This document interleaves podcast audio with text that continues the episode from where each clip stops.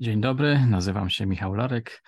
Jestem pisarzem podcasterem, twórcą zabójczych opowieści, a to jest mój gość Michał Bayer ze Stanów, miłośnik true crime'u, miłośnik, jeśli mogę tak powiedzieć, seryjnych zabójców amerykańskich, ale nie tylko. Jego wiedza jest niesamowita. Raz po raz o tym wspominałem Wam w różnych moich mm, podcastach. Nagrywamy teraz próbny pierwszy odcinek naszej serii, który nie ma jeszcze nazwy, bo to przed chwilą właściwie e, powstało. Formuła tego programu będzie polegała na tym, że ja jestem e, gospodarzem, a Michał jest gościem, który będzie opowiadał o swoich wrażeniach, refleksjach, obserwacjach poczynionych w trakcie lektur rozmaitych książek na temat tychże seryjnych zabójców. Michale, czy wszystko się zgadza z tego, co powiedziałem? Wszystko absolutnie się zgadza e, pod wszystkimi względami, jeśli chodzi o moje zainteresowania, e, wiedzę. Nie jestem może jakimś ekspertem, tak daleko bym się może nie posunął, ale mam no, poniekąd trochę jakąś tam wiedzę na ten temat i zawsze lubię się po prostu tą wiedzą dzielić z innymi. No i masz imponującą biblioteczkę, która cały czas się powiększa. Zbiory swoje ściągasz nawet z takich dla nas egzotycznych krajów, dla mnie takich egzotycznych krajów jak Argentyna czy Brazylia, prawda? Absolutnie tak. Ostatnio mój e, kolega na przykład z Kolumbii pomógł mi dostać książkę na temat um, dość, e, nies, um, dość bardzo sławnej poniekąd niesławnej, nie, niesławnej, o, nie, niesławnej osoby, um, więc i z Japonii sprowadzałem książki, e, z Australii, e, z całego tak naprawdę kontynentu i mam znajomych prawie poniekąd wszędzie i zawsze mi pomagają z takich najdziwniejszych zakamarków e, ściągać książki. Książki na przykład też z Rumunii ostatnio sprowadzałam parę miesięcy temu, ponieważ wiele książek naprawdę interesujących zostało napisane tylko języku ojczystym, gdzie owa na przykład zbrodnia się wydarzyła, więc potem biorę te książki i tłumaczę je po prostu. Jest to proces bardzo powolny, mozolny, e, dlatego kiedy na przykład tworzę jakiś odcinek, to mi to zajmuje e, od 3 do 6 miesięcy, bo niestety człowiek Aż nie tak zna wszystkich nie, języków świata. Nie, nie zna wszystkich języków, więc muszę prosić wiele znajomych, muszę też trochę tak. e, samemu tłumaczyć. Um, więc zanim to powstaje w jakąś sensowną formę i treść, to trochę czasu mija, ale uważam, że jest to może dość dziwne, ale to jest dla mnie na przykład super forma spędzenia czasu i człowiek się uczy po prostu mhm. przez, przez takie. Ja jeszcze zapytam, zanim przejdziemy do meritum, co cię w ogóle motywuje, żeby tak sobie wirtualnie wędrować po świecie w poszukiwaniu takich różnych mm, ciekawych książek, czasami białych kruków właściwie? Jeżeli chodzi o, o, same książki, to zawsze kocham po prostu e, czytać. Dla mnie czytanie to jest e, naj, chyba najprzyjemniejszą formą spędzenia czasu. Mogę trochę resztę świata tak zamknąć na chwilę i skupić się po prostu na lekturze. To są dla mnie najcenniejsze, najpiękniejsze chwile. A że interesują mnie trochę tematy dość makabryczne i może nietypowe, to już e, moja osobista, że tak powiem, um, Cecha. Cecha, o, mo, mo, może. Moja osobista takie, cecha. Takie, moja osobista cecha. E... Choć niektórzy powiedzieliby, że aberracja. Owszem, e, spotykam się również z takimi um, wypowiedziami, ale mało mi to przeszkadza, więc. Robisz swoje. robię, robię swoje. No dobrze. E, pies szczeka, karawana idzie dalej. Okej, okay. no dobrze, to w takim razie przejdźmy może do, do meritum. O czym dzisiaj nam opowiesz? No, mam tutaj dwie super książki, e, które mi się przytrafiły ostatnio. E, jedna z nich to naprawdę rzadki egzemplarz. Jest to książka wydana e, w 1931 roku. Mhm. Um, kiepsko nam to widzi. Kiepsko tutaj widzi, ale tytuł jest The Love Murders of Harry F. Powers, Beware Such Bluebeards, czyli miłosne morderstwa Harry'ego Powersa, strzy- uważajcie lub strzeżcie się takich e, Sinobród. E, myślę, że każdy zna legendę, bajkę e, Sinobrodego. Sinobrodem. Mhm. Harry F. Powers to jest idealny przykład. To jest taki amerykański Henry Landru tak naprawdę aha, aha. z zachodniej Virginii, z West Virginia. I ta książka została napisana przez jego obrońcę, Evan Allen Bartlett, który nawet podpisał tą książkę, komuś ją sprezentował e, w 1956 roku.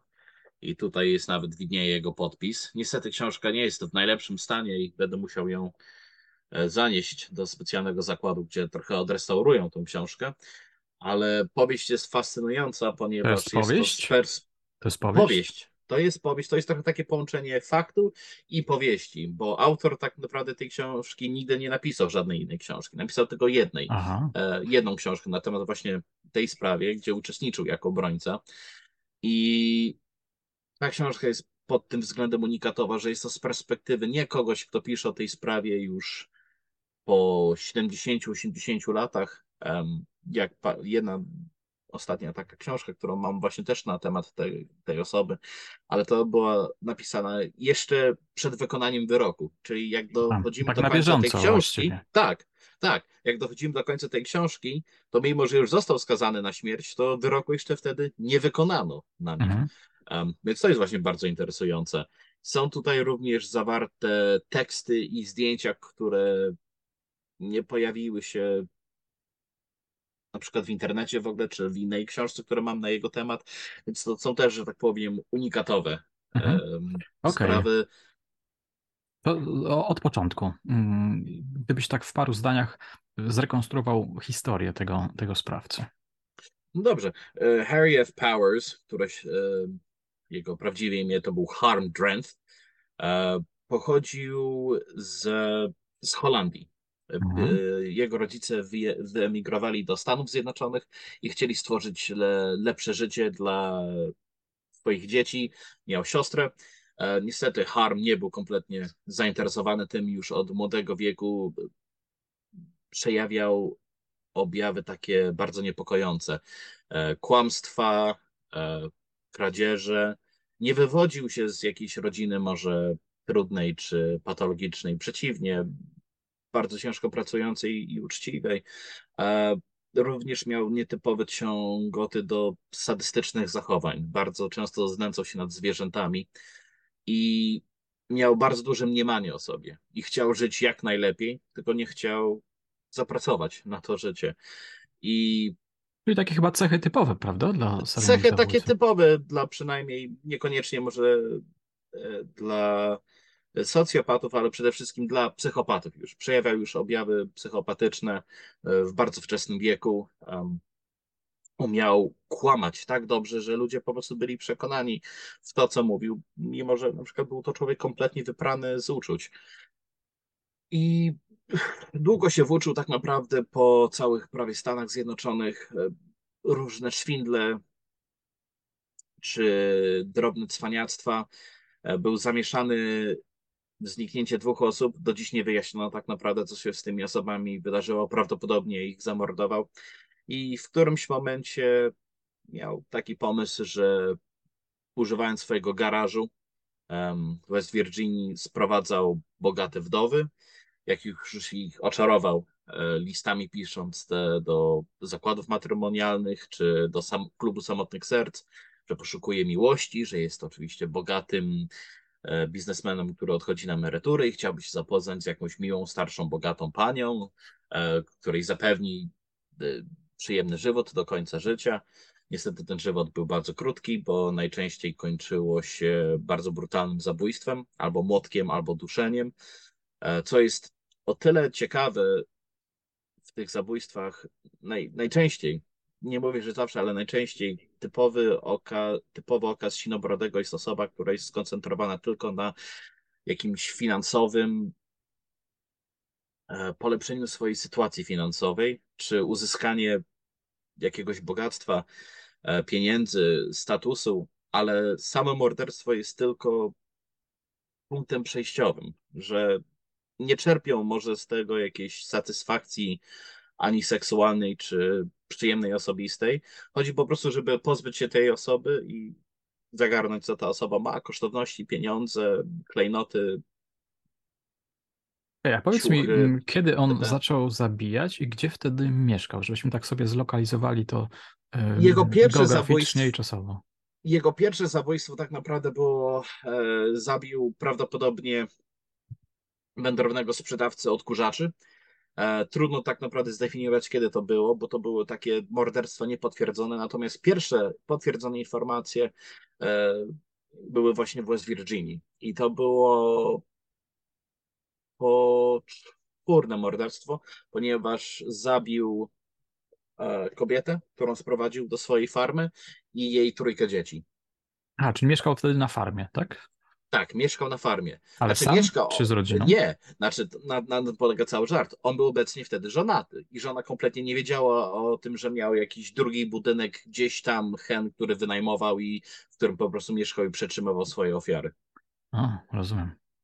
Czy prowadził takie podwójne życie? Tak, Mąż, tak. tak? To Ojciec? z jednej strony nie, ojciec nie. Dzieci Ojciec nie. nie, nie, nie było e, z małżeństwa.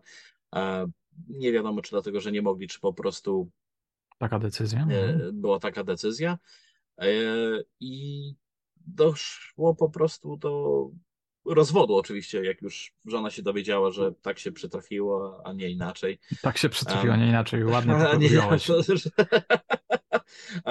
i Ale dowiedziała się o tym, kiedy już został zatrzymany, Kiedy tak? już został zatrzymany, tak, kiedy już został to, zatrzymany. to, to nie, nie, może nie wyprzedzajmy wypadków, to, to wróćmy do, te, nie wiem, do tego pierwszego czy ważnego morderstwa.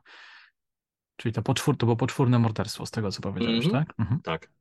Mhm. I to morderstwo było na tyle nietypowe, że on przetrzymywał ich w takim jakby dole, który wykopał, e, w takim bunkrze, garażu, e, trudno to, szopie takiej wielkiej. E, I powiedział, że ich wypuści, jeżeli oczywiście przekażą mu pieniądze. Co jakiś czas podduszał swoje ofiary, zawiązał im po prostu pętlę wokół szyi, podciągnął ich w górę i mówił, że no, chcecie wyjść, to przekażcie pieniądze, nie? I na początku powiedział, że nie miał zamiaru na przykład zabijać syna. Syna chciał zostawić żywego i powiedział: Popatrz, jak na przykład zabijam twoją matkę i twoje siostry. Tylko, że wtedy syn się rzucił do obrony, to uderzył go młotkiem i tak wykończył po prostu resztę rodziny. I powiedział potem, policji się przyznał, że same wykonanie tych morderstw e, sprawiało u niego większą satysfakcję, aniżeli pójście do burdelu jakiegokolwiek. Czyli co, to jednak było na tle, e, to było morderstwo z lubieżności, mimo że motywem był też rabunek? E, tak, ponieważ odczuwał sadystyczną po prostu przyjemność Mhm. e, z, z tych akcji, co jest, co rzadko się spotyka, e, w, jak mówię, w sprawach e, typowo sinobrodych. Najczęściej, jak mówię, jest to tylko zysk finansowy, aniżeli jakaś przyjemność z owego samego czynu. A to był tak, że tak powiem, wyjątek. I on cały czas ściągał swoje ofiary do tamtej wynajmowanej farmy? Mhm, mhm, Ile- Cały ile? czas. Mhm. Ile miał ofiar na koncie? Tak mniej więcej? Potwierdzonych e, pięciu, nieoficjalnie być może aż nawet 50. E, czy, ich, czy tych ofiar było 50? Nie do końca się zgadzam, ponieważ kiedy policjanci go już potem zatrzymali i jak zrobili e, przeszukanie wszystkich jego dóbr, to znaleźli wiele listów, e, damskich ubrań, kosztowności, biżuterii, em, obrączek i zaczęli się go pytać, a to skąd? I niestety tłukli go już tak, niby nieoficjalnie spadł ze schodów z więzienia, ale tłukli go tak e, długo w więzieniu, że roześmiał się i powiedział: Przypisa, Przypisujecie mi już pięć portwert, co jeszcze więcej mogę powiedzieć? 50 chcecie usłyszeć? E, Prawdopodobnie tych ofiar było więcej, jednak nie wiadomo, czy rzeczywiście aż 50 Mhm. ich było. Dobrze, to jeszcze y, zróbmy nawrót. Mm, Jak, w jakich okolicznościach został albo podejrzany dopiero, albo zatrzymany? Wpadł w dość trochę głupi sposób, ponieważ e, był zazwyczaj bardzo ostrożny w zacieraniu wszelkich śladów, jednak gdy wziął samochód swojej piątej ofiary, nie wymienił tablicy rejestracyjnej. Nie ściągnął po prostu i nie wkleił jakiejś tam fałszywej. I tak po prostu ktoś zauważył, przekazał policji i wpadł w bardzo dość prosty, zwykły sposób. Wcześniej nie było żadnych podejrzeń w stosunku do niego albo te, do tego miejsca? Nie, w ogóle. A co to było za, za miejsce? Mówiłeś o Virginii, tak? Tak, West Virginia. Um, to raczej w takim ma małym miasteczku e, mieszka, bo ludzie my myślą, że w tym miasteczku dochodziło do tych zbrodni, a to tak nie do końca, bo on mieszkał w jednym miejscu, ale samo miejsce tych zbrodni było jakiś kawał od jego um, mieszkania. Nie pamiętam dokładnie jak daleko. E, więc potem musiał oczywiście zaprowadzić policję i zrobili pełną rewizję i przeszukanie tego jego garażu, szopy, jak to tam człowiek mhm. chce nazwać. Jaką opinią się cieszył wśród mieszkańców? E, na początku niektórzy raczej dość przychylni mu byli, ponieważ sprawiał wrażenie takiego, jakby go opisać, wyglądał jak Elmer Fudd w okularach. Czyli taki niegroźny, zabawny, zawsze grzeczny, jak to słyszałem, no mi zawsze mówił dzień dobry, czyli musiał być to dobry człowiek, ale jak niektórzy go poznali trochę bliżej, to zauważyli, że coś jest tak trochę nie, nie do końca, coś im tak jednak nie pasowało. Oczywiście on maskował te swoje prawdziwe, wewnętrzne ja przez długi okres czasu. E, Idealnym przykładem jest to, że kiedy był z swoją żoną, to on się kiedyś z nią rozstał.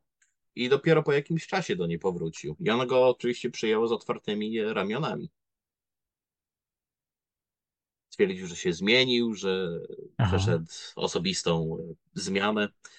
Um, było to było to taka dość skomplikowana osobowość, bo gdy starał się kogoś oczarować, to pod względem pisania listów czy wymowy był to człowiek wręcz hipnotyzujący, Aha. bo ludzie chcieli od razu z nim wejść w rozmowę i słuchać jego tych pięknych e, wypowiedzi i jakoś się bliżej z nim poznać, ale po jakimś czasie stwierdzali, że coś tak nie do końca leży im w tym człowieku. A co, czy oni byli w stanie to sprecyzować, czy to tylko jakaś taka intuicja, że coś po prostu. Było to jakaś, jakaś intuicja, że coś, coś, coś tu tak do końca nie gra. Mhm. Dlatego też wiele kobiet zaprzestało nagle z nim e, pisać poprzez te przeróżne agencje matrymonialne czy kluby samotnych serc, ponieważ on nawet pis, pisał ponownie, do, na przykład jak w którymś momencie urywał się kontakt to pisał raz jeszcze, żeby zobaczyć, czy da się jakąś tam osobę zmotywować do dalszej rozmowy, ale niektóre osoby mądrze po prostu stwierdzili, że coś it's too good to be true. Okay. Bo zaczął obiecywać bogate życie, futra, życie na bogato i coś tak. Mm, jeżeli jest to zbyt dobre, to najczęściej jest to nieprawdziwe. Kiedy zaczął tę swoją karierę zabójcy? Założywszy, że pierwszą, pierwszym zabójstwem było to poczwórne, o którym powiedziałeś? Bo, no to, to byłoby późne lata, lata 20 gdzieś tak prawdopodobnie. Mhm. I zatrzymali go w tym 30 roku? W 31? E, w 30, 30, 31 roku. Dokładnej daty teraz nie pamiętam, e, ale właśnie zatrzymali go e, bardzo szybko. Sam proces też nie trwał długo. Jeżeli dobrze pamiętam, w 32 roku poszedł na szubienicę. Aha, czyli został skazany na szubienicę i tak. Kara została wykonana. Mhm. Śmierć poprzez powieszenie na szubienicy. Śmierć poprzez powieszenie. Mhm. I wtedy y, zaczęły, nie wiem, wtedy zaczęły powstawać jakieś książki o nim, jakieś artykuły większe? Jak to wyglądało? Jak, jak sława pośmiertna? Je, jego największa sława pośmiertna um, powstała, kiedy um, się zrodziła, kiedy E, pisarz napisał, dokładnie sprawdzić imię, żebym tutaj nie... Kiedy Davis Grubb, który się wychował e, w West Virginii, to był lokalny pisarz, e, słyszał o tej sprawie, czytał o niej w młodości i tak mu ona została w głowie, że przelał tą powieść, oczywiście zmieniając sporo faktów, w książkę Night of the Hunter, która stała się dość takim klasykiem e, do, po, po wielu, wielu latach. I jest to opowieść o wędrującym księdzu, e, preacher, um, mhm. pastorze, który, pastorze, który idzie od małego miasteczka do miasteczka, szuka samotnych wdów, najczęściej bogatych, ich po prostu morduje i potem przychodzi do następnego miasteczka i do, do następnego miasteczka, aż dwójka dzieci pomaga tak naprawdę go schwytać. E, po, postać w książce nazywa się Harry Powell, no to nie jest to wielka zmiana od imię Harry Powers, więc wiadomo, gdzie tak naprawdę od razu jego inspiracje były zaczerpnięte, z którego zresztą on się nie krył, powiedział wprost, że ta historia strasznie jakoś mu po prostu pozostała w pamięci. I potem w 54 czy 50 roku reżyser e, Charles Lawton nakręcił swój jedyny film, niestety, właśnie Night of the Hunter. E, I Robert Mitchum wcielił się w o. główną rolę właśnie morderczego, morderczego pastora. Jest to jeden z najpiękniejszych filmów um, i zarazem przerażających, jakich widziałem. E, przepiękna kinematografia, e, film oczywiście czarno-biały. Mm. Więc do dziś ta historia żyje tym właśnie, dzięki tej powieści, dzięki e, temu filmowi. Mhm. Muszę przyznać, że e, nigdy nie słyszałem o tym e, sprawcy, o Harem Powersie.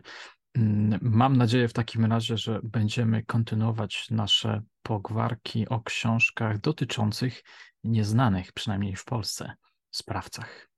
Bardzo chętnie. Mam tutaj całą e, bibliotekę, więc bardzo, jeżeli jest zainteresowanie, bym byłbym jak najbardziej e, skory, żeby się dalej tą informacją podzielić. O, o kim zatem pogadamy sobie następnym razem? Masz A, jakieś kandydatury? Tak, e, piszę właśnie teraz e, nowy podcast, odcinek mhm. podcastu. Oczywiście trochę mi to zajmie, ale piszę o Adolfie Seefeldzie. Mam A, tutaj okay, jedyną pokazuję. książkę napisaną na jego temat. Byłem ostatnio w Niemczech i kolega mi sprezentował to już chyba jest ostatni egzemplarz nawet na internecie. Jest to dość przerażająca historia, ponieważ e, Fritz Harman czy moim zdaniem Peter Kurten chowają się przy tym osobniku.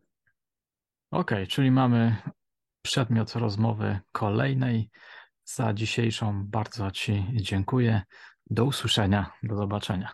Dziękuję i do usłyszenia.